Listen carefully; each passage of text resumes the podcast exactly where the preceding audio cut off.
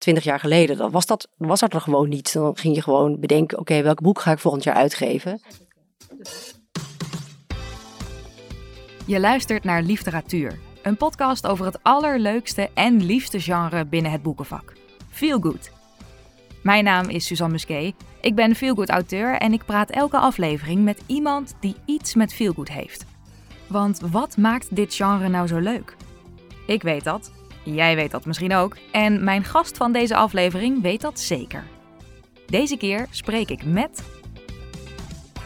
Hedda Sanders. En Ilona da Costa. Hedda Sanders en Ilona da Costa. Hallo. Hallo. Hoi. Wat fijn dat jullie er zijn, allebei samen. Gezellig. Wat Ja. leuk dat we mochten komen. Ja, geweldig. Met Ja. liefde, met liefde, met liefde. Ja.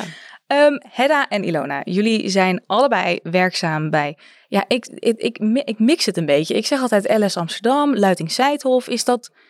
Waar komt het, Hedda, waar komt dat? eh Eh, je bedoelt wat de is de afkorting? officiële term van de uitgever? Luiting Zijthof. Luiting. Ja, zeker. Ja, Ja. oké. Ja. Jullie zijn allebei werkzaam bij Luiting Seidhof. Ja. Ehm, Hedda, jij zit echt al heel erg lang in het boekenvak. Eh, ja. ja, klopt. Ja, echt Ja. wel gewoon. Ik bedoel, je, eh, je bent bij eh, Luiting ben jij uitgever. Ja. Ehm, en Ilona, jij bent office manager, maar eigenlijk ook gewoon, ja, Dobby. Dobby, de huiself, toch? Ja, Ja. ja. ja dus, eh, dus als ik jou vraag, wat doe jij bij, bij, bij Luiting Seidhof, dan zeg jij alles. Ja, alles. heb je, maar heb je niet- sokken of heb je... Ik heb sokken aan. Oké. Ja, ja, ja, ja. En krijg af en toe sokken van collega's. dus Dus, je bent dat ook wel een leuk. vrije huiself. Ja, dat eh, wel. ja, ja, ja, een soort van. Oké, Ja. oké. Ehm, en Hedda, jij bent, zoals ik al zei, je bent uitgever bij, eh bij Luiting Seidhof. Ja. Ehm, eh, voordat we overal helemaal induiken, wil jij heel kort vertellen hoe jij eh, ehm, bij Luiting Seidhof terecht bent gekomen? Ehm, ik eh, heb eh, eerst eh, gestudeerd Frans taal en letterkunde in Amsterdam. Toen ging ik stage lopen bij een uitgeverij. Ehm, dat heette toen nog Maarten Muntiga, die de Rainbow Pockets uitgeven. Oh, ja. Bestaat nog steeds. Vond ik echt heel erg leuk. En toen dacht ik, hé, hey, dit is denk ik wel iets voor mij. En toen ben ik uiteindelijk eerst gaan afstuderen. En tijdens dat laatste stuk van mijn studie heb ik bij Scheltema gewerkt, boekhandel. Eh, dat vond ik ook heel leuk om te doen. En toen ben ik bij Prometheus terechtgekomen, eh uitgeverij. Daar heb ik eh, eerst eh, rechten verkocht. Later ook redactie gedaan. En ehm, op een gegeven moment kwam er een positie vrij bij Luiting Zijt of als acquirerend redacteur. En dat leek mij heel leuk om te gaan doen. En daar heb ik op gesolliciteerd en aangenomen. En van die plek ben ik weer doorgegroeid naar wat ik nu aan het doen ben. En eh, dan zeggen we, de rest is geschiedenis eigenlijk. Precies, Ja. maar eh, dan moet jij me wel even zeggen wat die geschiedenis dat is, wat je in gedachten hebt. Maar toch, want dat is inmiddels, jij zit dus inmiddels al meer dan twintig jaar in het boekenvak. Ja. Ja. Dat is echt wel, en, en inderdaad, sinds eh, bij Luiting Seidhof heb ik hier staan sinds 2005, klopt Ja, dat? klopt, ja. Dat is echt wel lang. Ja, Ja, ja dat, is, ook... ja, maar het kan nog langer hoor. Ja, dat is ook zo. Ja, ik bedoel, zeggen. ik ben niet de, de allerlangste als je naar het vak eh, kijkt. Nee, maar eh, ja, nee, dat klopt. En ja. 20 jaar is natuurlijk, in die afgelopen 20 jaar heb je ontzettend veel gezien, meegemaakt. eh, ehm, eh, in het leven, maar ook op boekengebied natuurlijk. Ja, en dat is eigenlijk ook een beetje waarom ik, waarom ik jullie hier vandaag heb uitgenodigd. Want ik wil het heel graag hebben over veranderingen in het boekenvak. Eh, specifiek natuurlijk het feelgood genre, maar eigenlijk ook boekenvak breed. Hoe de afgelopen nou ja, decennia dan misschien wel geweest zijn en hoe dat zo gelopen is. En nou ja, het begon natuurlijk allemaal met, eh, in de vorige aflevering sprak je met Astrid Harrewijn. Die zei ook, ja, toen ik begon had je alleen maar papier bijvoorbeeld. Inmiddels heb je e-books, je hebt eh, subscriptions, je hebt van alles nog. Je hebt luisterboeken, je hebt alles. Dus daar wil ik het heel graag met jullie over hebben. En Ilona, jij weet natuurlijk ook als geen ander wat al die nieuwe ontwikkelingen zijn. Als Dobby de huiself zijnde, organiseer jij leesclubs, organiseer jij van alles en nog wat. Ehm, voordat we daar komen, hoe ben jij bij Luitingstijdhof terechtgekomen? Ehm, we maken een iets minder lange omweg, want anders gaan we over allemaal saaie Ja, je komt uit werkzaamheden de. HR, toch? Zeker, dus daarom zei ik al saaie dingen hebben. Ehm, ik ben eigenlijk toevallig bij Luiting gekomen. De vrouw van eh, Tom, een van onze andere uitgevers, is een vriendinnetje van mij. Ehm, en de positie van office manager kwam vrij. En zij belde mij, of En ik liep in Wenen. Toen zei ze, jij moet bij Luiting gaan werken. Uh, want dat is wat voor jou, want dat zijn boeken en zij vinden jou ook leuk. Uh, hadden nog nooit van mij gehoord, nog nooit mij gezien. En, ah, joh. Ja, toen ben ik echt vlak voor de kerst met Febe gaan praten. En dat was eigenlijk uh, meteen een klik, ja. onze directeur. En nou ja, dan is ook de geschiedenis. geschiedenis. ja. ja, want jij, dat, dat is nu bijna vijf jaar geleden, toch? Ja, dus ik ben echt heel nieuw in het boekenvak. Ja, maar toch. Ben jij altijd veel lezer geweest? Ja. Ja. Dat wel. Ja. ja. Dus dan heb je toch al wel, je weet, je hebt al een klik, je hebt al je hebt de raakvlakken. Zeker. Dus dan is het wel logisch natuurlijk dat. Uh... Ja, en ik had ook, zag ik daarna pas, ook best wel veel boeken van Luiting Seidhoff in mijn kast staan. Ah. Dus dat is, dat is dan grappig, dat je dan op een gegeven moment, dat heb je waarschijnlijk zelf ook, wat meer, meer met boeken hebt. En dat je dan opeens daarna gaat kijken. Ja. En dat je dan in één keer denkt, oh, oh, maar van die auteur en van die auteur. Ja. En, nou. ja precies. Ja, precies dat. Nou, superleuk om te horen dit zo. En ja, dat het toch, nou ja, twintig jaar, vijf jaar. Nou, ik vind het toch al wel een aardige. Ik heb een flinke bak ervaring aan tafel vandaag. Maar heel jong zijn wij. Ja, zeker. Ik heb wel. ervaring aan tafel, maar heel Geen jonge, leeftijd. Jong van geest. Jonge mensen absoluut. hebben um, nou, we hebben het natuurlijk. Dit is een podcast over feel good en daar hoort onder andere ook. Jouw eigen feel good moment. Jouw eigen feel good moment bij. Uh, Hedda, mag ik bij jou beginnen? Ja, zeker, dat mag. Ik heb ook een heel leuk feel-good moment. Ik zou het zelf niet hebben kunnen bedenken, maar het is echt gebeurd. Het is echt gebeurd? Ja, het is echt gebeurd. Uh, jaren geleden in Amsterdam, uh, waar ik ook al heel lang woon, daar fietste ik over de grachten. niet over de gracht, maar over zo'n ehm, dwarsstraatje. Misschien kennen jullie de negen straatjes. Dat zijn mhm. van die kleine straatjes die op de gracht uitkomen. En het was avond. Het was wel een beetje herfst-winter, denk ik. Dus het was donker en waren niet zoveel mensen op straat. Um, ja, ik fiets natuurlijk gewoon een beetje flink door. En ik ging ook niet echt heel erg eh, uitkijken toen ik bij die gracht aankwam. En toen kwam natuurlijk een, iemand anders aangefietst op die gracht. Dat was een jongen, een beetje mijn leeftijd. En um, hij deed eigenlijk precies hetzelfde als ik. Hij had geen uh, zin om rekening te houden met dat straatje van rechts. Dus toen um, moesten wij alle twee heel hard remmen. Eh, want we hadden eigenlijk bijna een botsing. En toen kwamen we dus met een soort van de wielen tegen elkaar tot stilstand. Toen moesten we alle twee heel hard lachen. Maar het leuke was, er liep nog een, een, een, stel, ouder stel op straat. Daar vlakbij. En die man die zei... En ze leefden nog lang en gelukkig in de stad. en toen moesten we allemaal heel hard lachen. Ja. En, uh, en toen uh, gingen we allemaal weer verder. En dat was eigenlijk heel grappig. Dus uh, dat was, ja, dat was, zit je echt zo met zo'n smile op je fiets. Ja. Maar dus, dit is dus niet het moment waarop jij jouw uh, partner hebt ontmoet? Nee, nee of... absoluut niet. Nee, nee, nee, nee, dat was pas veel later. Ja. En, uh, uh, maar ja, dit was gewoon heel grappig. Ja. En, want we moesten alle twee echt enorm in de remmen. En het ging ook gewoon een soort van net goed. Maar het was niet... Ja, wat ook vaak gebeurt, dat je dan, of althans uitgescholden wordt of nou, hè, iemand ja. begint te schreeuwen.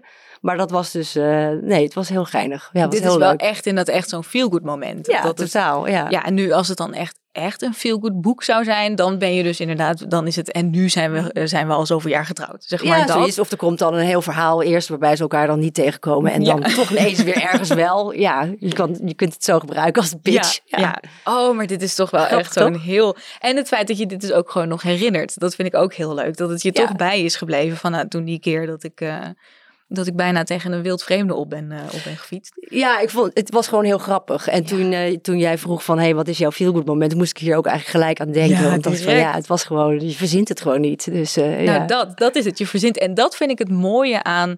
Um, want we hebben nu natuurlijk een aantal afleveringen achter de rug. En ik vind het het allermooiste aan al die momenten is dat je toch elke keer denkt ja, dit verzin je niet. Maar toch is het echt gebeurd, weet je wel? Toch is het echt niet geromantiseerd, niet aangedikt. Het is echt zo gebeurd. Ja, ja dat is, vind ik ontzettend leuk. Ja, ja. ja ik vind soort... het een echt veel goed moment. Ja. Dankjewel. Nou. Ilona, wat heb jij? Uh, ben je er inmiddels uit? Want je zei nee. net dat je... Je had er wel tien of zo, geloof ik, hè? Dat, ja. Um... ja, maar het is niet een echt, echt feel good moment zoals die, uh, die van Hedda. Ik uh, denk dan toch, ik heb wel eerst toestemming gevraagd. Uh, ik denk dan toch maar het huwelijksaanzoek mm -hmm. die ik kreeg. daar moet ik een heel klein stukje voor vertellen dat hij al blijkbaar achteraf een paar maanden die ring in zijn zak had. en op meerdere momenten zoiets had, oké, okay, dit wordt hem. Ehm, en dat er dan een situatie was die ik weer heb afgekraakt. Zo van, nee, dat is echt heel stom als je dat nu hier zou doen. Of nou dat. nee. Ehm, maar ondertussen wel stiekem hopen van, oh, wanneer komt het? Ehm, en wij doen af en toe samen een project, een evenement. En ehm, hij kwam mij ophalen van kantoor en we moesten naar Arnhem. En ik moest opschieten en ik ben, zoals iedereen weet, altijd te laat. Dus wij zaten samen in de auto en eh, hij werd steeds eigenlijk nerveuzer en geïrriteerder. En we kwamen in een file en ik dacht, ja, wat is het probleem? Weet je, we- het begint pas morgen, dus waar maak je je druk om? Ja, nee, maar je moet nog dit en zo, nou, van alles. En ehm, wij komen daar aan en een andere collega van hem, die ehm, ging ons ergens naartoe brengen. Dus ze zegt, ja, ik loop even met jullie mee, je moet even met de fotograaf praten. En nou, allemaal prima, ik liep daar braaf achteraan. En ik was nog aan het doorkletsen, zoals ik wel vaker doe. Zie die fotograaf, oh, hi, ja, jou ken ik, weet je, helemaal leuk. En ik draai me om en hij zit op een knie. En ik praat gewoon rustig verder met die fotograaf. Van, oh, nou, nog steeds leuk. Ik was al zijn hele verhaal aan het doen. Had het nog niet door. Nou goed, dat is uiteindelijk goed gekomen. Ik ben getrouwd, ik heb ja gezegd. En ehm, ik heb het aanzoek uiteindelijk via de video teruggehoord. Want ik heb er gewoon niks van meegekregen. Gewoon omdat ik het niet meer verwachtte. Ja. Dus, ja. Maar wel heel leuk dat er iemand zo slim was geweest om even de camera aan te zetten. Nee, dat hadden ze dus dat heel expres. dat was ja. helemaal zo gepland. En Ja. je weet, ik hou niet van verrassingen. En Nee. ik weet altijd overal van alles af. Eh, maar ja, nu dus niet. Dus ja, ja. Oh, dat is leuk. toch te gek? Ja. Dat is toch. En inderdaad, achteraf is het dan heel. Want ik bedoel, oh, oh, ik zie jouw man ook gewoon dan helemaal zo voor me. Zo die Ja, arme man zo op één knie. Ja. Ja. En, ja, ja. en dat hij dan echt denkt, nou, hallo, wel, focus, ja. Iemand hier zo. Nee, de grap was dus, ik we kwamen in die, ja, het is de trouwzaal van Arnhem, de oude trouwzaal, daar, daar ben ik ten huwelijk gevraagd. En er stond links, stond een hele mooie tafel gedekt, met kaarsen, dingers, nooit gezien. Totaal gemist. Dus ja, En uiteindelijk is het dus helemaal goed gekomen. zeker. Want dan toch, dat, en ze leefde nog lang en gelukkig. Is Zeker, Dan, eh, ja, ja. Hedda was erbij, Ja. onder andere. Ja, zeker. Ja, ja, Het was een fantastisch huwelijk. Oh, Ja, ja echt mooi. een enorm Oh. feest. ja. Echt fantastisch. Superleuk. Ja, want je bent niet heel lang geleden getrouwd, toch? Nee, nee, Eh, nee, eh 30 september 21. 21, ja. Ja, de coronaregels waren er twee dagen af. Ja. Ja, we dus het mochten was net eigenlijk ja, het was het eerste doen, echte hè? feestje. Ja, ja, Ja. dus dat was misschien wel het ultieme feel-good moment, letterlijk. Omdat iedereen een soort van los kon. Ja. Ja, Ja. ja. Ja, oh, dat was leuk. Is toch echt... Oh, maar wat een heerlijk... Oh, dat verhaal. Dat is toch... Te... Dat is... Oh, ik word daar echt helemaal... Word je toch een beetje warm van van binnen. Dat je dan... En dan zie je hem daar zo helemaal zo voor je. Dat hij daar zo... Hij is 1,93. Dit is zo'n enorme man daar zo zi- zit van... Schat? Toch is het Oh. ook echt wel een beetje een scène uit een eh, romantic comedy. Ja, Ja, Dat toch? jij maar gewoon maar doorpraat met al die mensen en dat Ja. volgens die gedekte tafel. En Ja. het- ja. En het gewoon niet doorhebben. Nee. Gewoon echt niet. Nee, heel Ja. leuk. 100% feel good moment. Echt, ehm dankjewel. Zeker. Ehm Hedda, als jij, eh, eh, als ik jou vraag, je zit al meer dan 20 jaar in het, eh, in het, in het boekenvak. Ehm, jij werkt als uitgever. Wat, Ja. wat doe je als uitgever? Ja, goede vraag. Eh, Ja. he- Heel veel verschillende dingen natuurlijk. Maar ik zat er van tevoren even een beetje over na te denken hoe ik dat nou een beetje leuk kan zeggen. Maar ik denk dat vooral ook plannetjes maken zijn. En eh, daar eh, mensen bij zoeken en eh, dingetjes bij bedenken. En met iedereen over praten. En ja, lijntjes uitgooien, dingen in de week leggen.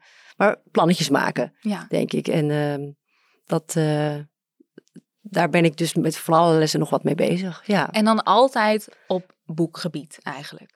Eh, ja, boekgebied, maar ook eh, ja, alles wat er natuurlijk bij is gekomen in de, in de afgelopen 10, eh 15 jaar. Ja. En nou, podcast is er ook een van, waardoor de VBK uitgeefgroep eh, meer aan gewerkt wordt. Ja, dus, dus alles zit er eigenlijk bij. Ik denk dat het een dat je nu niet zozeer meer denkt in een boek, maar meer in een soort project.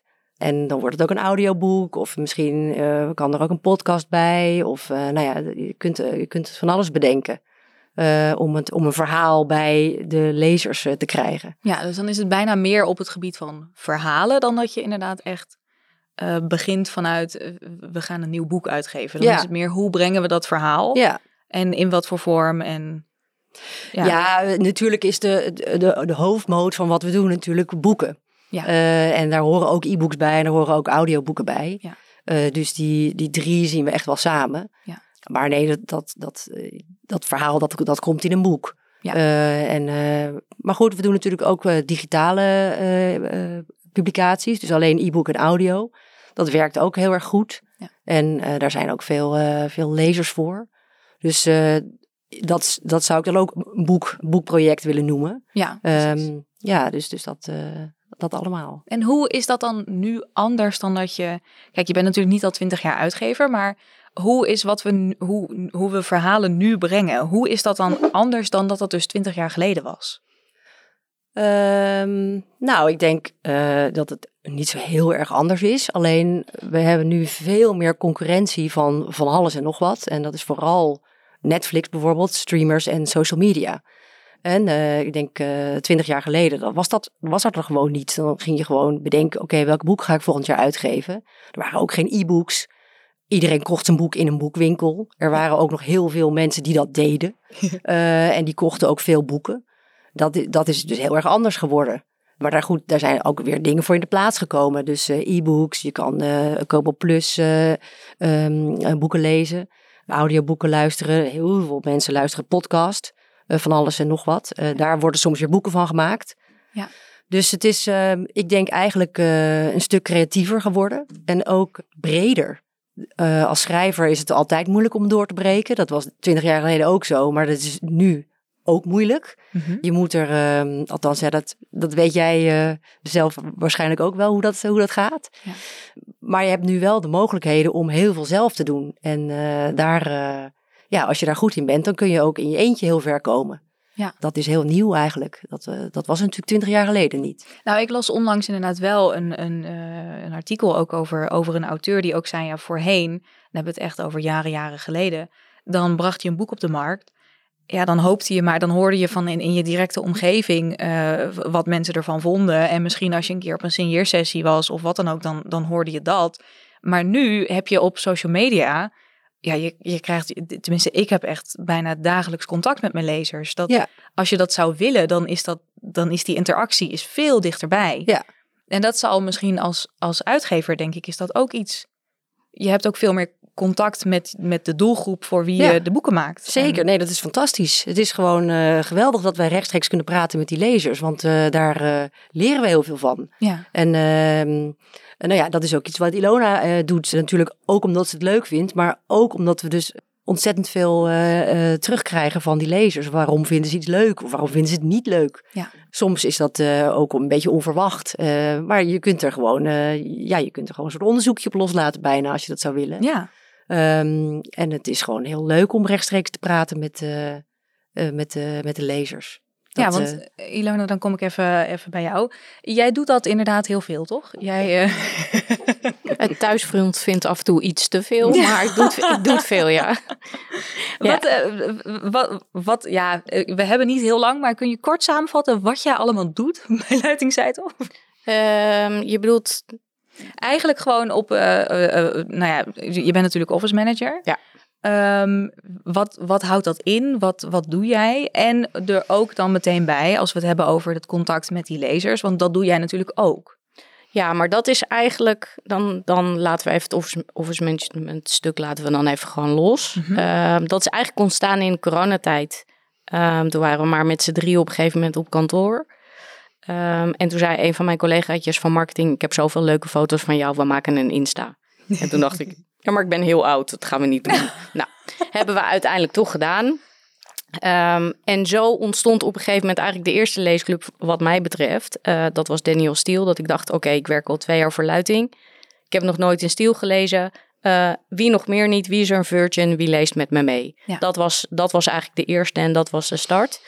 Ehm, en toen merkte ik dat het heel leuk was dat je, dat je reacties inderdaad van mensen terugkrijgt. Van waarom lees je dat niet? Waarom pak je dat boek niet op? Ja. Ehm, nou ja, en dat is ehm, zo doorgegaan tot waar het nu is. Ja, dat ik nu een DM krijg van hallo, kan je geen kalender delen? Wat ga je doen het hele jaar? Dat ik denk, nou, ik weet nog niet eens wat ik morgen doe. Dus Ja, dus, dus dat is het. Maar het is gewoon, ja, het is gewoon oprecht leuk eh, om terug te krijgen van, weet je wat mensen van een boek vinden. En ik denk dat het verschil is bij mij ten opzichte van bijvoorbeeld Hebban of eigenlijk onze officiële leesclubs. Ehm, dat ze bij mij, zolang het maar met respect is, alles mogen zeggen en mogen vinden. Er zitten geen restricties zitten daarop. Ja, want jij runt, jij runt niet het account van LS Amsterdam op Instagram. Nee, zeker niet. Nee, Nee, het is nee. echt gewoon helemaal... Ja. Eh, want het is ook Ilona's leven bij LS, geloof Ja, ik, hè? ja, jij zegt het in één keer goed. Heel veel mensen snappen niet zo goed wat er staat. Oh, Die denken ook dat dat zeg maar mijn achternaam is. oh. Ilona's leven Ja. bij Ja, of dat ik blij ben. Dat is ook, dat is ook die hoor ik ook heel vaak terug. Blij LS. Ja, zoiets. Ja, Ja. ja.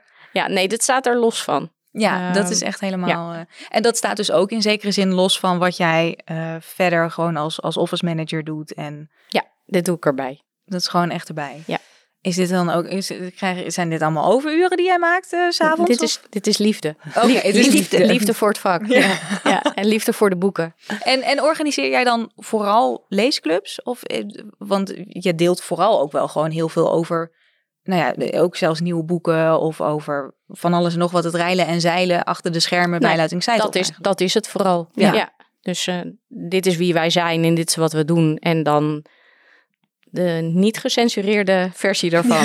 Zeg maar dat een beetje. Ja. ja. Heb je, word jij wel eens teruggeroepen door iemand als Hedda of zo van, oh nou, wat je nu online hebt gezet, dit eh, kan echt niet. Of iemand van marketing of... eh, Nee, ik denk eigenlijk dat ze het meer Hedda, nog... schudt nee. Nee hoor, nee. Ik vind Nee. het alleen maar heel leuk. Ik denk Ja. vooral dat ze het meer nog stimuleren dan dat ze me terug... Nou ja, misschien soms dat ik te veel tegelijk wil en te groot en dat. Ja. Ehm, Het is gewoon heel vaak heel grappig. Ik denk dat dat, dat is er gewoon heel leuk aan. Het moet, Ja. het moet meer humor, vind ik. Grappig. Ja, Ja, dat- en het is gewoon wat je ziet is wat, je- wat, je, wat je krijgt. Er is niks gestaged aan. Dit is gewoon wie ik ben en wie de uitgeverij eigenlijk is. ja. Dus dat. Het is, wat dat betreft is het heel erg authentiek, omdat je veel meer, eh, het is vanuit jou als, Ja. als mens. Ja. Versus als je dus zegt vanuit de uitgeverij, dit en dit zijn onze nieuwe boeken of, of wat dan ook.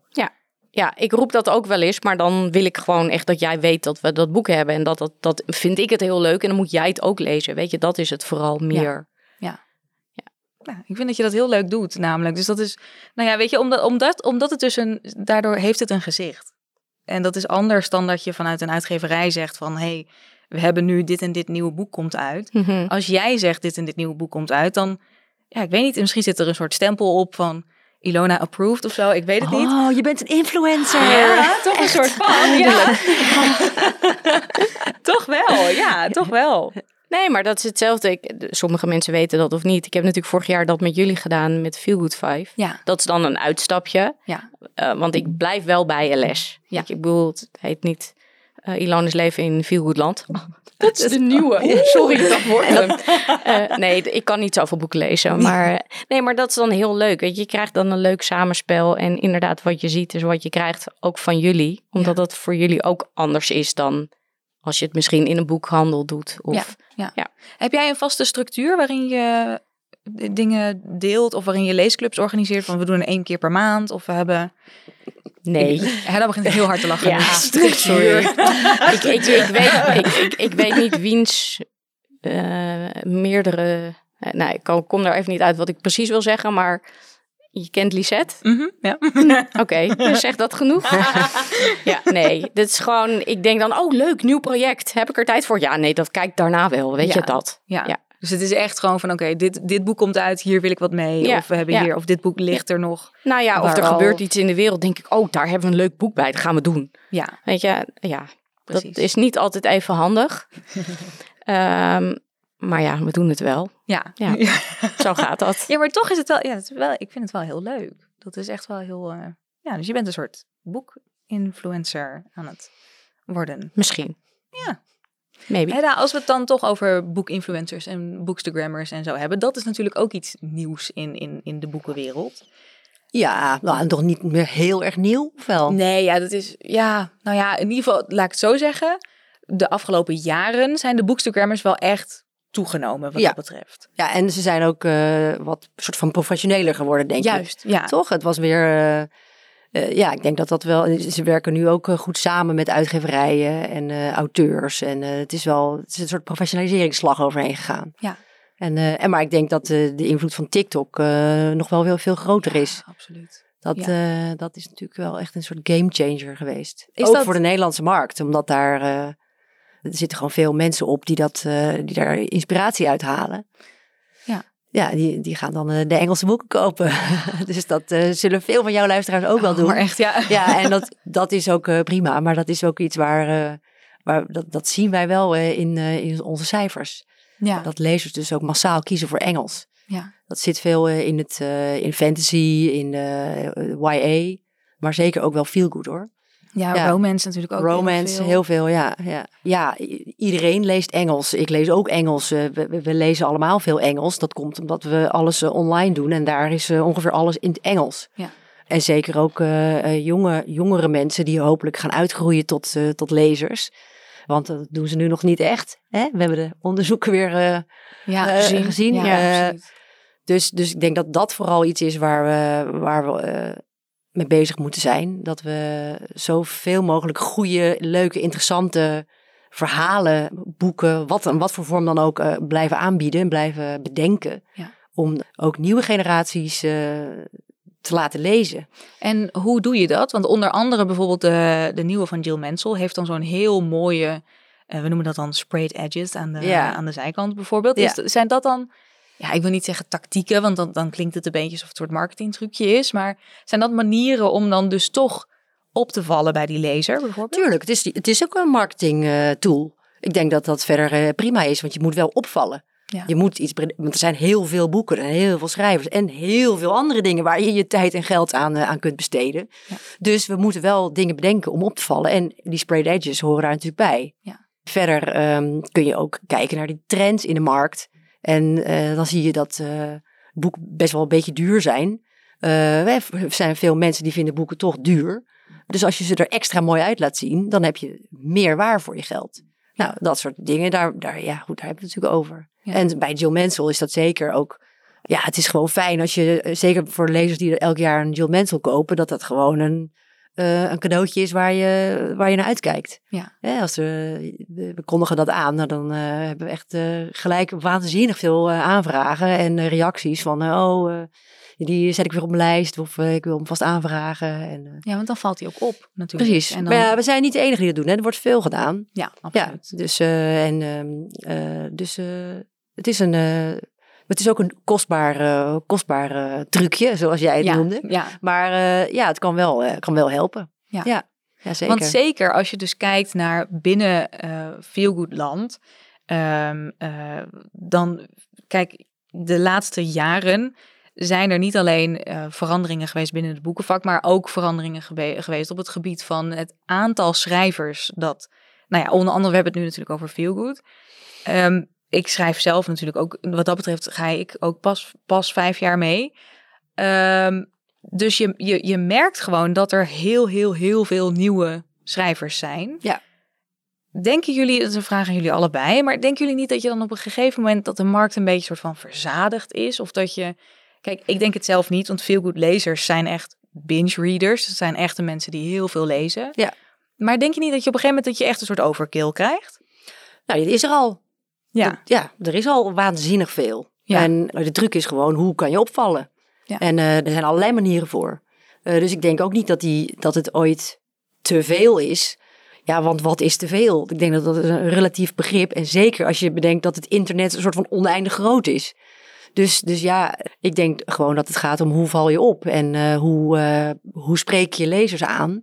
En hoe krijg je, krijg je dat verhaal zo goed mogelijk over het voetlicht. Ja. Ja. Hoe, Ilona, hoe kijk jij daarnaar? Nou, ik, de, de- ik heb vaak discussie over wat is feel good. Ook Mhm. in, de, in, de, in de leesclub. Want ik, weet je, het, het is toch ook binnen het genre appels met peren vergelijken. Het een is gewoon niet het ander. Ehm, dus nee, ik denk niet per se dat het te veel is. Er is gewoon voor ieder wat wils. Ja. Ik denk meer dat, meer dat dat het is. Ja.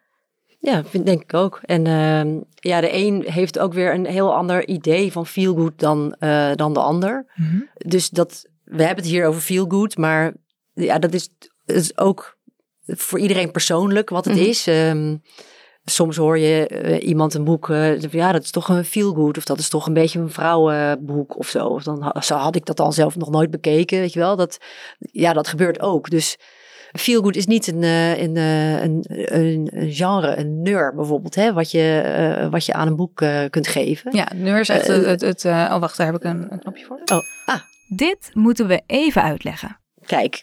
Dat is eh, de, de code die vanuit de uitgever wordt meegegeven aan het soort boek, toch? Ja, klopt. En het is een, eh, een, een, een lange lijst boeken waarbij de boeken eigenlijk in, eh, het is gewoon een categorie. Ja. Eh, het komt uit, het, ja, uit de bibliotheek en, eh, en de boekenwinkelwereld. Dat je dus met behulp van die neur weet waar dat boek ongeveer staat. Ja. En dan heb je eh, Nederlandse literatuur, je vertaalde literatuur, eh, fantasy. Nou, er zijn allerlei genres. Eh, Google het maar even, er is een hele lange lijst. Ja. Maar feelgood zit daar niet bij. Nee. Dus dat is een, het is een, ja, hoe noem je het? Een genre wat gebruikt wordt om boeken aan te prijzen en te identificeren. Maar wat ook aan de tijd gebonden is. Twintig jaar geleden of vijftien jaar geleden bestond feelgood niet. Toen eh, werden er werden meer romantische boeken, werden chicklit genoemd. Ja. En ehm, ja, dat, dat woord hoor je nu helemaal niet meer. Het is nu veel meer eh, feelgood of romance. Ja. Ja, dus, dus dat verandert door de tijd. Ja. Het, is, Ja. het is wel zo dat sinds het Feelgood heet, dat het wat meer geaccepteerd is, denk ik, dat je het leest. Chicklit Ja. was veel meer, werd een beetje weggestopt. Ehm, Ja, er was een, eh, chicklit was natuurlijk een, een klein beetje een soort denigrerende term. Ja. Ehm feelgood is dat wat minder, denk ik. Ik denk dat het wat neutraler is. Ja, je hebt een beetje een, eh, een, beetje een emancipatie van dat, eh, van dat genre eigenlijk. dat dat wat meer een, een soort, ja, hoe zou ik het zeggen? Het is gewoon een factor in de markt. Ja. Kijk naar wat er gebeurd is met de Colleen Hoover. Die echt krankzinnig groot is geworden onder invloed van, eh, van TikTok. Ja. En eh, dat beïnvloedt eh, natuurlijk ook allerlei andere auteurs die een beetje in die hoek zitten. En natuurlijk ook allerlei schrijvers en uitgevers die daar een beetje van willen profiteren. Wat heel logisch is. Ja. Dus dat, ja, als het, als het zoveel opbrengt, dan op een gegeven moment gaat iedereen natuurlijk kijken van hé, hey, wat is dat? Ja, Ja. maar ik, ik, het is ook wel heel leuk dat het daardoor... kijk, Feelgood is ehm, zelfs Hendrik Groen, eh Agaat, nu dan de nieuwe... Er zijn ook twee boeken nu dan van, eh, zeg maar, Agaat en... Oh, die ander, die tweede weet ik even niet. Maar eh, eh, van Margot Ros. En, eh, dus Ja. dat is ook... Dat wordt ook gewoon helemaal weggezet als zijnde Feelgood boeken. Ehm, terwijl Feelgood wordt heel vaak toch echt nog wel echt... Nou ja, het is een beetje een soort aftakking van die chicklit. Hmm. En Chicklit was echt voor vrouwen, door vrouwen. En nou, dat moet je echt veel goed boeken. Eh, dat hoort daar ook een beetje bij, zeg maar. En Chicklit, dat, dat, nou, dat wil je toch eigenlijk... Dat lees je alleen maar als vrouw, weet je wel? Een beetje zo'n ja, soort... maar het is wel ook inhoudelijk wel veranderd hoor. Want ik denk dat chicklit veel meer ook een, eh, toch eh, meer een, zeg maar als basis de Bridget Jones diary had. Ja. Dus dat is toch een, een beetje een stuntelige vrouw die toch op zoek is naar de prins op het witte paard. Ja. Een man om mee te trouwen. Ja, en dat is dan het ideaalbeeld. En maar ik denk dat die, die, de, de feelgood eh, die nu verschijnt, dat dat echt zo gevarieerd is. Daar zit echt van alles in. Ja, dan kan je niet meer eh, van één zo'n eh, zo'n format eh, spreken. nee.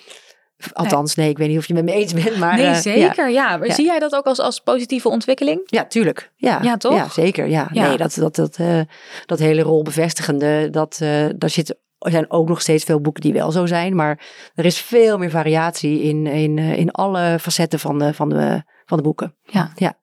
Je hebt natuurlijk... We hebben het nu natuurlijk gehad over hoe het de afgelopen jaren gegaan is en dergelijke. Ehm, toch even wederom weer vragen jullie allebei. Hoe denken jullie dat dat in de toekomst nog doorgaat trekken? Want we hebben het natuurlijk net gehad over... Er zijn natuurlijk steeds meer auteurs. Er zijn steeds meer ehm, manieren om een verhaal te brengen. Denk je dat dat allemaal blijft, bijvoorbeeld? Eh, goh, ja, dat, weet ik natuurlijk niet. Nee, ja. Als je dat Als zou ik dat weten, zou dat zou- weten, ja. dan... hè? Ja, Maar nee, dat weet ik niet. Eh, maar wat je wel weet, dat is dat alles steeds digitaler wordt. Dat is met alles zo. En dat is met, eh, voor, voor in de boekenindustrie ook. ja. Wat natuurlijk een hele, hele grote verandering is voor alles en iedereen, is, ehm, is AI. Eigenlijk ongeveer een jaar geleden kwam ChatGPT ineens voor iedereen beschikbaar. Ja, dat, eh, dat is iets wat eh, gelijk op grote schaal eh, door iedereen gebruikt werd. Ja, dat soort dingen gaan, hebben wel invloed, denk ik, in de toekomst. Ja. Hoe, weet ik niet precies. Maar ja, dat, dat is onvermijdelijk. Ilona, denk jij dat je ooit ehm, eh, eh, eh, leesclubs bijvoorbeeld over luisterboeken zou gaan organiseren? Of over podcasts of over... Eh, ja, zou best kunnen. Kijk, ik denk dat ehm, hoe het eruit komt zien, weet ik niet. Maar ik durf wel eigenlijk met 100% zekerheid zeggen dat verhalen blijven. Ja. Hoe ze gebracht worden, dat is een tweede. Maar verhalen zullen altijd, altijd blijven bestaan. Ja, zolang dat er is, dan kan ik er met iemand over kletsen. Ja, denk toch? ik dan. Ja. Absoluut. Ja. Hedda, jij zei net, alles wordt steeds meer digitaal. Hoe bepaal jij of iets alleen digitaal wordt uitgegeven... of dat het ook wel op papier verschijnt? Of hoe kies je dat? Nou, als je een boek gaat uitgeven, dan eh, wil je een, eh, een oplage drukken. Eh, en die oplages die bepalen we op basis van bestellingen van de boekhandel. En de boekhandel die hebben natuurlijk een groot aanbod vanuit de uitgeverijen, dus die moeten kiezen. En die worden ook steeds selectiever. Dus als je kijkt naar je, alles wat je in het verleden hebt gedaan en eh, waar je, je plannen liggen, dan, eh, dan zie je vaak dat er minder gekozen wordt voor de feel-good eh, titels. Eh, voor grote namen eh, wel, Eh, maar voor eh, beginnende schrijvers is het best wel lastig. En dan kun je eigenlijk niet met goed fatsoen een oplage drukken. eh, want het wordt gewoon niet ingekocht. Ja. Ja. dit is heel vervelend, want we weten wel dat er veel lezers zijn. Bijvoorbeeld omdat wij met die lezers praten. We hebben ook dat eh, Zin in Feelgood eh, platform eh, opgericht een aantal jaar geleden. Dat wordt nu ook VBK breed gebruikt. Dus daarvan weten we natuurlijk, ja, die lezers, dat zijn veel lezers. Die willen graag eh, eh, meer hebben. En dan is dat een goede route om de, het boek uit te geven. Dus dan zou je er eerst voor kiezen om te zeggen van... nou, dan doen we hem wel digitaal, zodat het wel de lezers kan bereiken. Ja. En dan op een gegeven moment... Nou ja, soms dan worden titels ook later nog eh, gedrukt via Precies. VOD, printing on Ja. demand bijvoorbeeld. Ja. Is dat dan inderdaad een route om, om dan te... Ja, zeker, dat denk ik wel. En ehm, ja, we hebben ook eh, digitale eh, boeken uitgegeven die bijvoorbeeld door de bibliotheek worden besteld en daar dan wel in, in print verschijnen. Ja. Dus je kunt het wel gewoon gaan lenen in de bibliotheek. Is dit dan iets anders dan, dan eh, 10, 15 jaar geleden, waarin je. Eh, Was je toen ook al wat dat betreft, ehm, werd het, wer- werden oplages ook wat meer gestuurd door de boekhandel? Of was het toen... Altijd. is altijd al zo ja, geweest. zeker. Ja, ja. Want het was niet dat je toen in één keer zei van... oh nee, maar nu van deze boeken, huppakee, 5000, 10.000, 20.000 Jawel, exemplaren. en kijk, je, je, de, nou ja, dat het bepalen van de oplagen, daar kan je echt eh, heel lang met de mensen over doorbomen. daar heeft iedereen weer zo zijn eigen idee over. Maar in principe eh, moet je gewoon een, eh, iets drukken wat, de, wat besteld is. Ja. Eh, en je moet natuurlijk een beetje anticiperen op wat gaat er daarna gebeuren.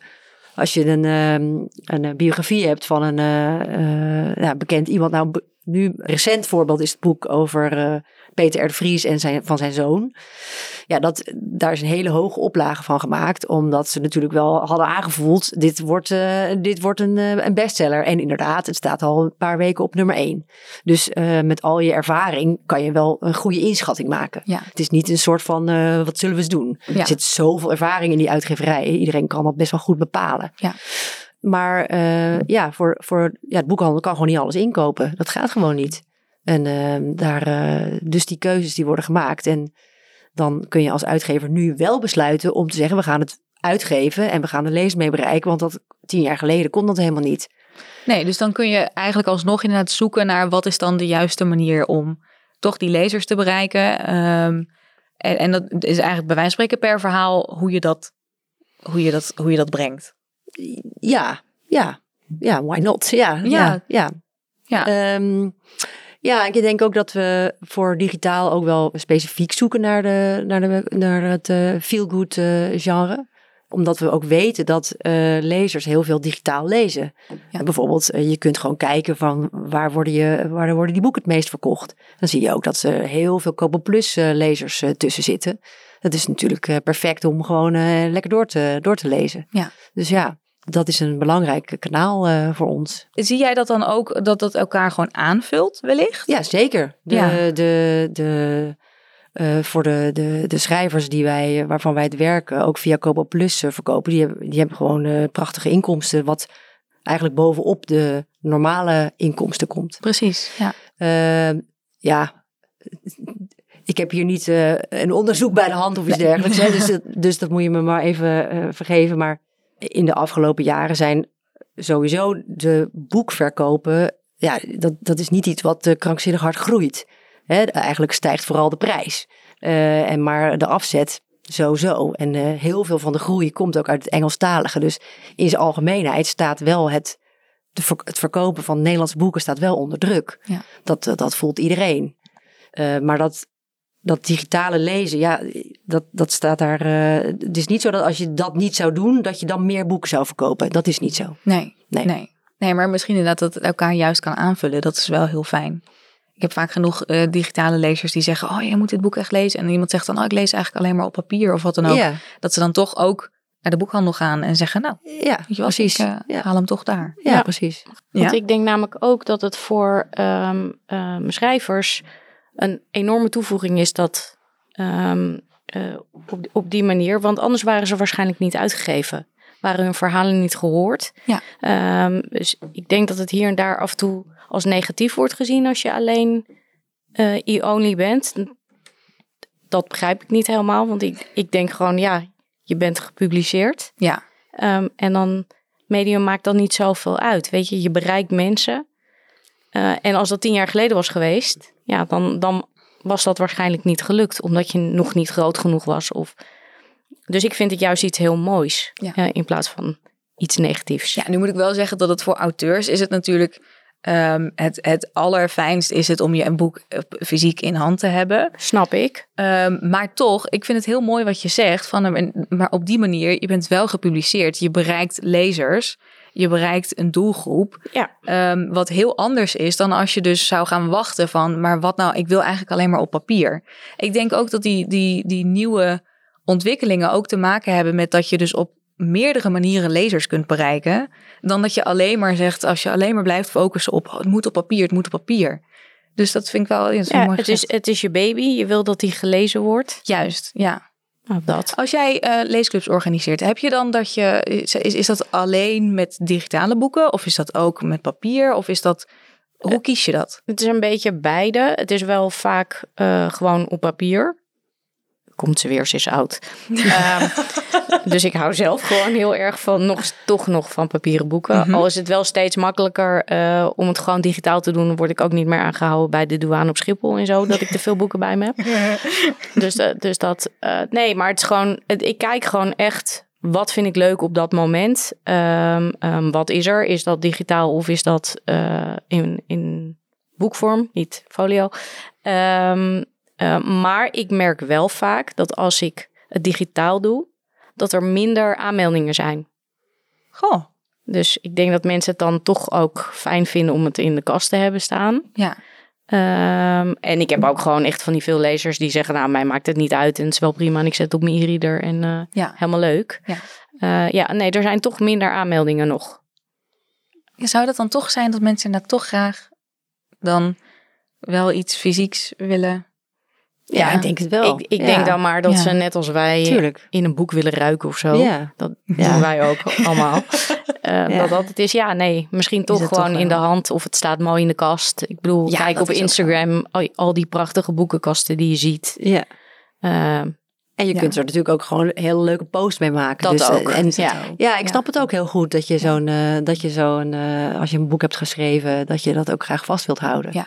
Dus dat, ja. Maar toch, het is juist ook wel weer heel fijn op het moment dat je dus, eh, als je dus al veel lezer bent, eh, om jezelf niet te beperken door te zeggen, ik lees eigenlijk alleen maar papier. Want er is ook digitaal zo ontzettend veel leuks te lezen. zeker. Ja. Dus dat is 100%. natuurlijk ook. Ja. Ja. Maar ja, iedereen moet gewoon echt dat zelf, eh, dat Ja, zelf beslissen hoor. Want eh, ehm, ja, het is niet zo dat je, eh, als je alleen maar papier leest, van nou stap maar over, want eh, binnenkort is het afgelopen. Dat is natuurlijk ook helemaal niet waar. Nee, nee. Dus, het eh, aanbod is gewoon breder geworden eigenlijk. Er is, daardoor. er is fantastisch veel keuze. Ja, ja. Zeker. Ja. En luisterboek ook. Ideale uitvinding. Ja, Ilona is groot verbruiker Ja, luisterboeken. Ja. Ja.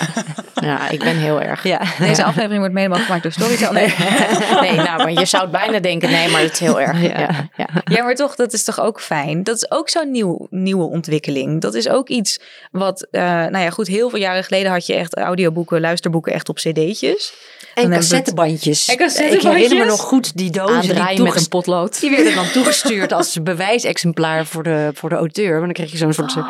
nou, twee of drie schoenendozen vol met cassettebandjes. Ja, ja, ja. maar ja, en dat, ik bedoel, dus het is niet dat ze er niet altijd al waren, maar ze zijn gewoon veel toegankelijker, Ja. makkelijker Ja. te, te vinden. Ja. Nou ja, zoals eh Kobo Plus, Storytel, Nextory, Bookbeat, noem het maar. Ideaal. Ja, dat is natuurlijk zo. Je kan het overal doen. Ja, dat is toch heerlijk? Dus, Nou. Zoveel boeken. Maar als we het dan even over zoveel boeken hebben. eh, jullie hebben natuurlijk ook boeken meegenomen. Al dan niet hier fysiek, al dan niet mentaal meegenomen. Ehm, Ilona, ik eh, blijf nog even bij jou. Wat, wat, heb je, wat heb je bij je? Ik heb precies één boek bij me. Precies één want boek, ja. We moesten cadeautjes meenemen. Ehm, en dat is eh, Jill Mansell. Voor mij de koningin van Feel Good, Chicklit, Verzin het. Ja. Geef het een naam, Ja. maar... ehm, Velen met jou. Zeker. Eh, door haar ben ik dit genre echt gaan lezen en verliefd erop geworden. Eh, ik heb deze bij Hedda uit de kast gerukt vanmorgen. Eh, omdat ik juist dit ehm, type boek, want dit was gewoon, ja, dit was nieuw en dit was, ehm, ehm, ehm, eh, nou ja, even voor de luisteraars wat Ja. zij nu ziet. Oh ja, sorry. Wat heb je Oh ja. bij je? Wat, Wat, heb ik bij me? Ik heb een, een Puma pocket bij me. Ehm, die kan bijna in je binnenzak. Ehm, Puma eh, Pocket is ook iets wat gewoon echt wel... een miljoen jaar oud is. Net als ik. Ja, nee, dat klopt. Eh, nee, maar Jill is voor mij gewoon echt... Ja, bij Jill weet je altijd wat je krijgt. Ja, Ehm, en dat is heel fijn. Dat geeft iets heel vertrouwds, iets heel veiligs. eh, maar op een goede manier. Ehm, dus ja, nee, ik verheug me elk jaar weer op de nieuwe Jill. Dat Want, is voor eh, mij een feestje. mei is elk jaar eh, Jill Mansell maand, toch? April, ja. ja, ja, Ja, april, Ja. ja, ja. Want jij hebt nu dan eh, geknipt, geknipt voor Miranda meegenomen. Is dat specifiek deze? Of was het gewoon, ik wil een Jill Ja. Mansell boek en... Ja, ehm, ja, ja. ja. Nee, ze zijn, eh, nou nee, niet allemaal hetzelfde, want dat is natuurlijk onzin. Maar ehm, Jill heeft denk ik een Hedda-film aan. Een specifieke manier eh, van, van schrijven. Ehm, ehm, vaak is het inderdaad wel de klassieke Ja. girl next door die de mooie jongen eh, ontmoet en dan allemaal in allemaal situaties terechtkomt. Maar ook dat is goed en ook dat is fijn. Ja. Net wat ik zeg, dat je, je weet wat je krijgt. Ja, het, Ehm, het leuke van Jill Mansell is dat zij eigenlijk altijd eh, goede personages van verschillende generaties eh, opvoert. ja. En eh, dat ze dus niet eh, één hoofdpersoon heeft die het verhaal doormaakt en dan het happy end beleeft. Ja. Maar ehm, er zitten van allerlei soorten mensen in. En dat vind ik er altijd wel heel erg leuk aan. Het is ook niet altijd eh laugh out loud grappig.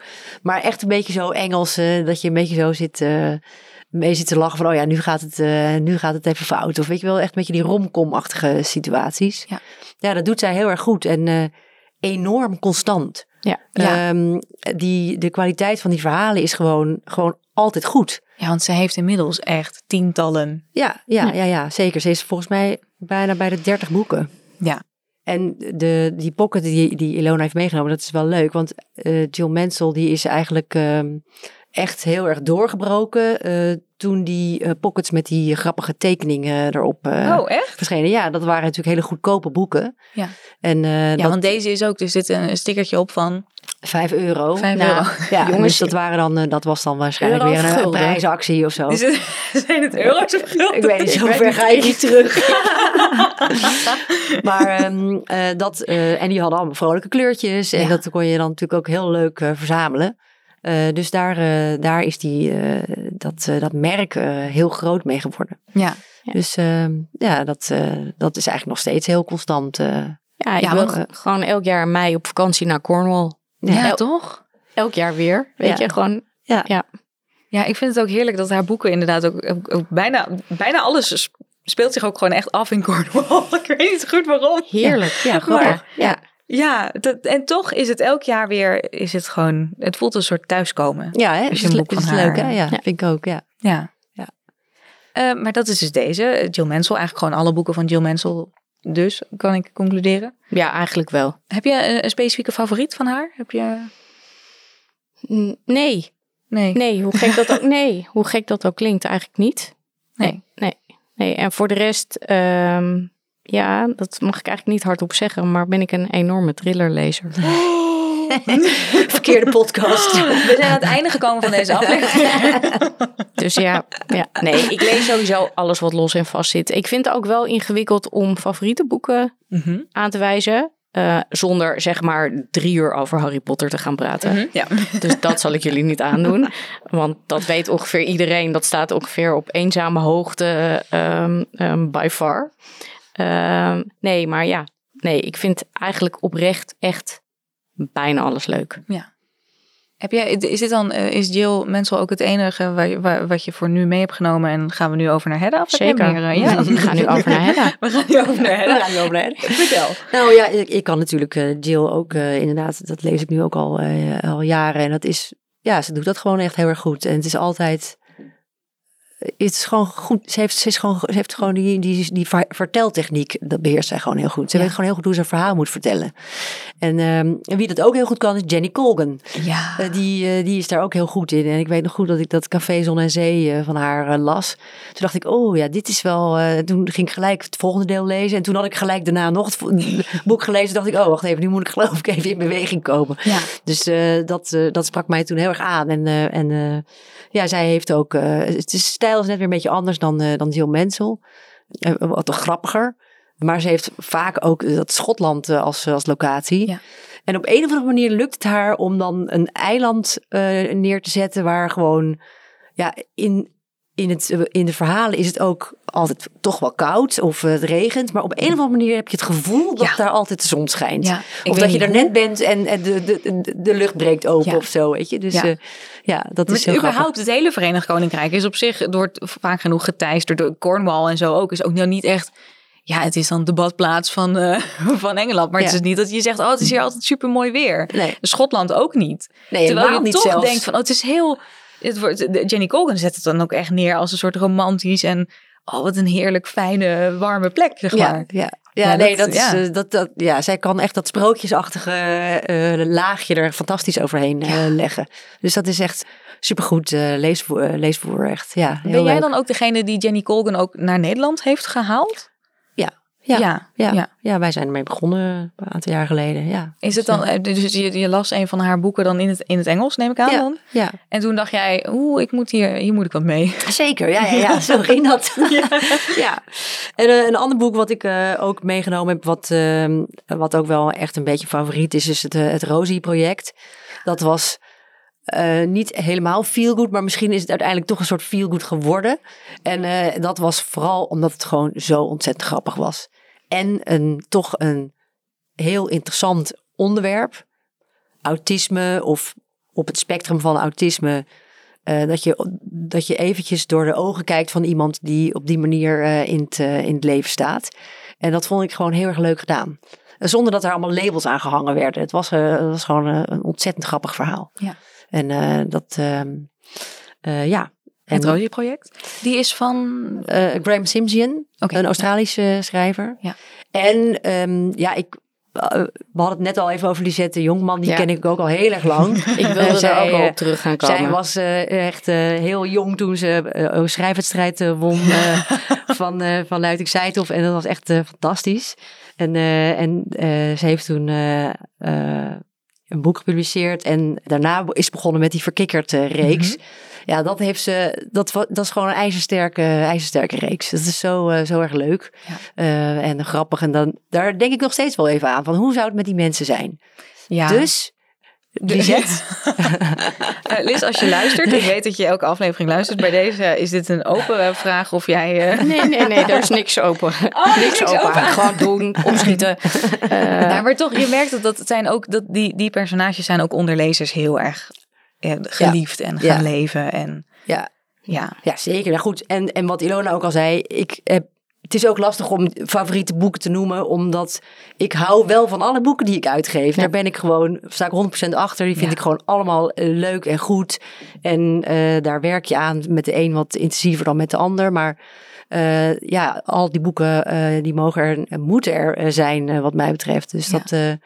dat, dat moet ik hier wel denk ik even toevoegen. Want ja, nee, absoluut. toch, dat is, ja, zo is het. Ja. Ehm, heb, je, heb je nog meer boeken meegenomen? Of heb, is, is het hiermee... eh, Ehm, nee, dit, dit, nee, nee, ik denk dat deze goed zijn. Ja, verder kunnen we het gaan over hebben over alle boeken die ik eh, de alle boeken jaar- die dus uitkomen dat, bij dat eh, gaat ook weer ik een het beetje. dan- Kijk even op onze. Nee, Ja, goed. kijk even op de website. Ja. Ehm, want dan heb ik ook altijd nog even een tip die we van, van buitenaf binnenhalen. En ik ben heel benieuwd wat jullie van deze ehm, vinden. Want we hadden het net al eventjes over TikTok en dergelijke. Ehm, ik eh, start heel eventjes een, eh, druk heel even een knopje in.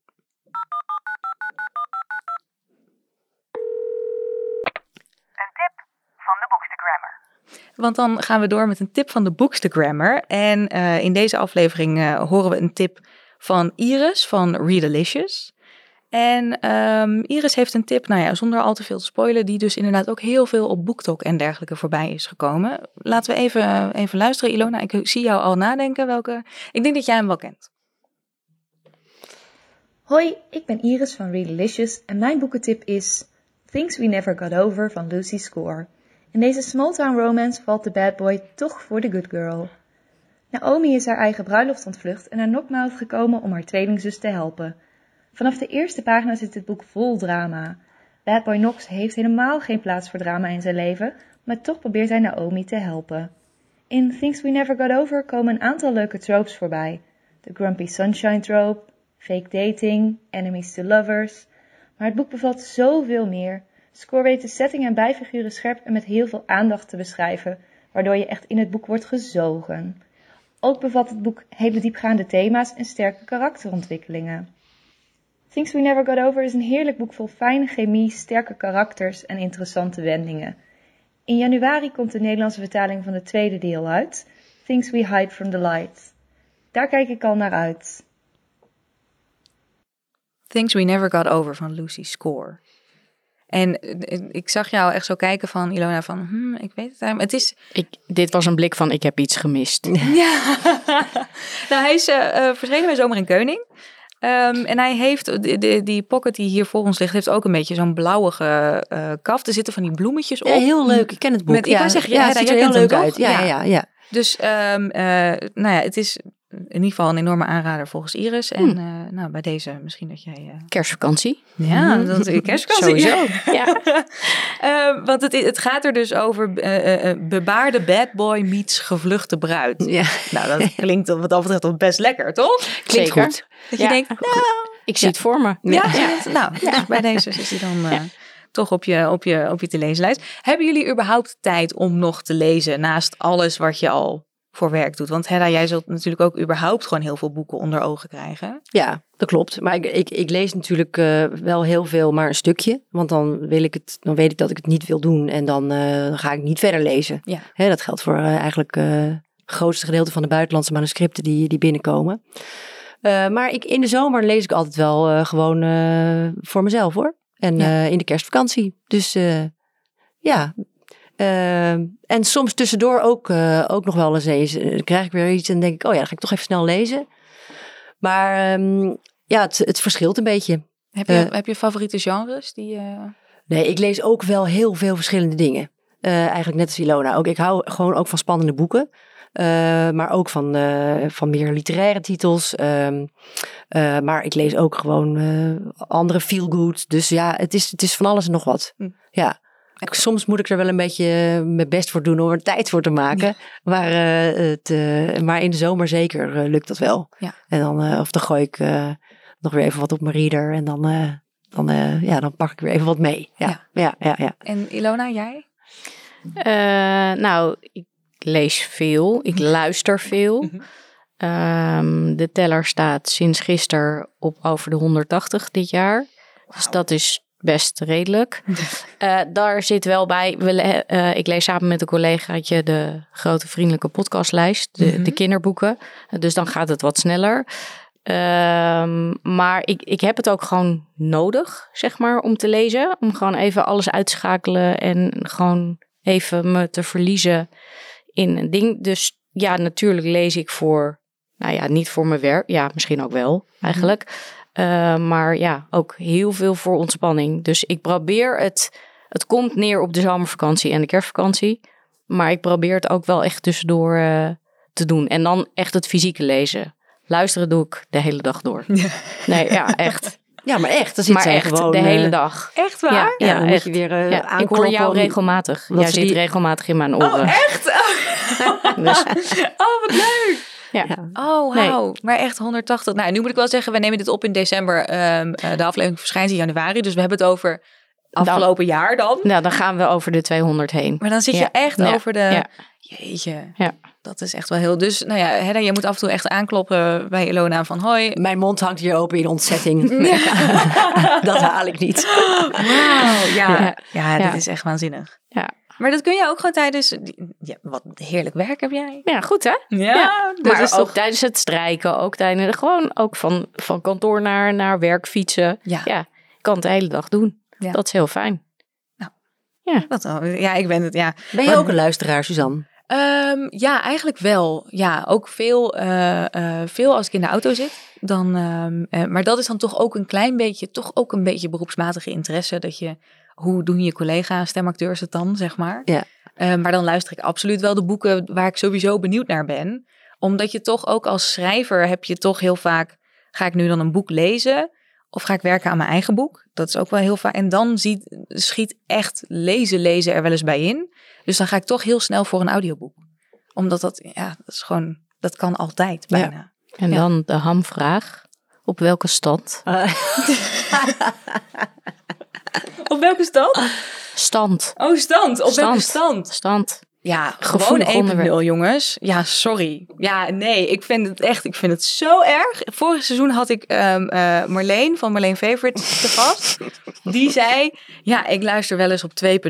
2.0. En toen dacht ik echt, oh, hoe durf je? maar ik zie jou nu even een beetje weg. eh. Maar eerlijk, Hm? jullie praten ook niet op 1.0. zeg nou zelf. Nee, dat klopt. Dat is, dus dat sowieso. Nee, dat kan ik echt niet aan. Ja. Dat, dan ben ik ook afgeleid. Maar wat is jouw hoogste snelheid? Ja. Dat ligt eraan. als ik soms, dit weten ze wel, als ik een hele enkele keer wel eens vergeten dat ik een leesclub heb. Dat ik een soort van een week achterloop. Dan wil Dan ik gaat het. hij even op 4. Nou, dat kan niet, want dan hoor je echt niks meer. Dan is het gewoon een flatline. nee, ik denk dat het, het snelste wat ik ooit geluisterd heb is denk ik 2.2. Dat is al bijna, een- dat is wel lastig. Maar ik luister gemiddeld, luister ik wel op anderhalf, zeker.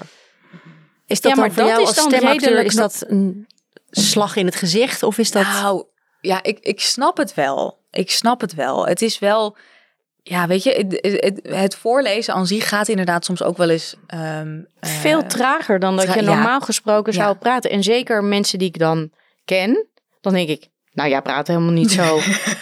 Ja. Nee, als je, als je Ja. bijvoorbeeld naar Lisette zou luisteren op 1.0, dat, dat klopt niet. Dat, dat, dat, nee, Ja, maar ja. dat, nou ja, en jij praat ook niet zo langzaam. Dus dat, dat is waardoor je het wat sneller. Maar het is fijn, want daardoor kan iedereen volgen. Ja. En is het voor iedereen toegankelijk, denk ik. Ja. Dus Ja. het is geen belediging. Oké. Ik hoor gewoon graag je eigen, je eigen Het is je- praattempo.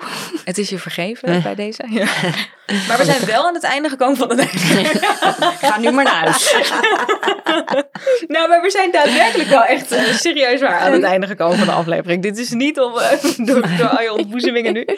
Eh, maar gewoon omdat we, ja, ik denk nu inmiddels dat we alles, eh, alles hebben, dat ik al jullie vragen, eh, alles heb mogen vragen wat ik, eh, wat ik wilde weten. En ehm, ja, dus in ieder geval mag ik jullie super bedanken voor dat jullie helemaal hier naartoe wilden komen vanuit Luitingzijd of Amsterdam. Dus dan echt vanuit Amsterdam hier naar Deventer voor naar de studio wilde komen. En aan wilde schuiven in, eh, in een nieuwe aflevering. Nou, Dus- jij bedankt ja. voor de uitnodiging. Fijn dat we mochten leuk. komen. Heel, heel, heel graag gedaan. Ehm, nou ja, we hadden het al even over het Instagram-account van jou, Ilona. Ilona's leven bij LS. Hedda, zit jij op Instagram? Uh, ik ben de zogeheten lurker. dus ik kijk gewoon uh, wel uh, wat, wat iedereen doet om een beetje de, een beetje de info bij te houden. Maar ik, ja, ik vind, ik heb er zelf beleef niet zo'n plezier aan om daar iets, om er veel mee bezig te zijn. selfies en... Nee, dat vind ik, ja, ik weet niet. Het is gewoon niet zoiets voor mij. En um, uh, en er zijn ook heel veel andere mensen die dat ontzettend leuk en goed doen. Dus, dat, uh, dus ik werk ook altijd heel graag mee aan Ilona's. Uh, of trouwens aan alle posts van LS ook. vind ik altijd leuk om aan mee te doen. Maar ik, ik ga daar zelf niet zo. ik ga dat niet doen. Nee. Dus dan zeg jij, nou, ik, je, je, kunt me wel ergens op Instagram wel volgen. Dat is onder andere op de accounts van Ilona en LS Amsterdam. Ja, dan zeker, af en ja. toe kom ik voorbij. En, ja, ja, ja. Nou, dan bij deze. Uh, als je wat van Hedda wil weten, dan zou je gewoon LS Amsterdam moeten, moeten volgen. Dat sowieso. Of uh, Zin in Feelgood kun je ook ja, volgen. Zin in Feelgood, ja. ja, ja. Dat is ook een hele goeie. Ja. Um, nou ja, literatuur is uiteraard ook te volgen uh, op literatuur. Ik ben ook te volgen, Suzanne Skee. Um, nogmaals bedankt dat jullie er waren. Luisteraars, super bedankt voor het luisteren. Uh, Iris, bedankt voor je tip. En zoals altijd sluiten we hem af met de vaste afsluiter. En dat is tot de volgende. En veel liefs. Doei! Doei!